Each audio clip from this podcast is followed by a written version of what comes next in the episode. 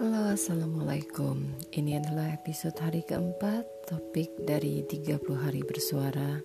Kali ini bicara tentang rencana. Kemarin saya membuat keputusan Tetapi ternyata kadang-kadang keputusan kita Tidak sejalan dengan apa yang kita inginkan.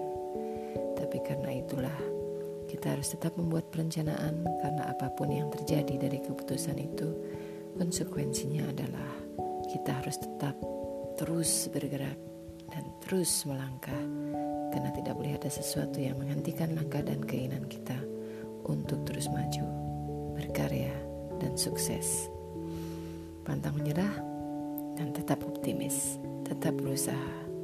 Itu rencana saya untuk tidak berhenti dan terus melangkah sampai kapan.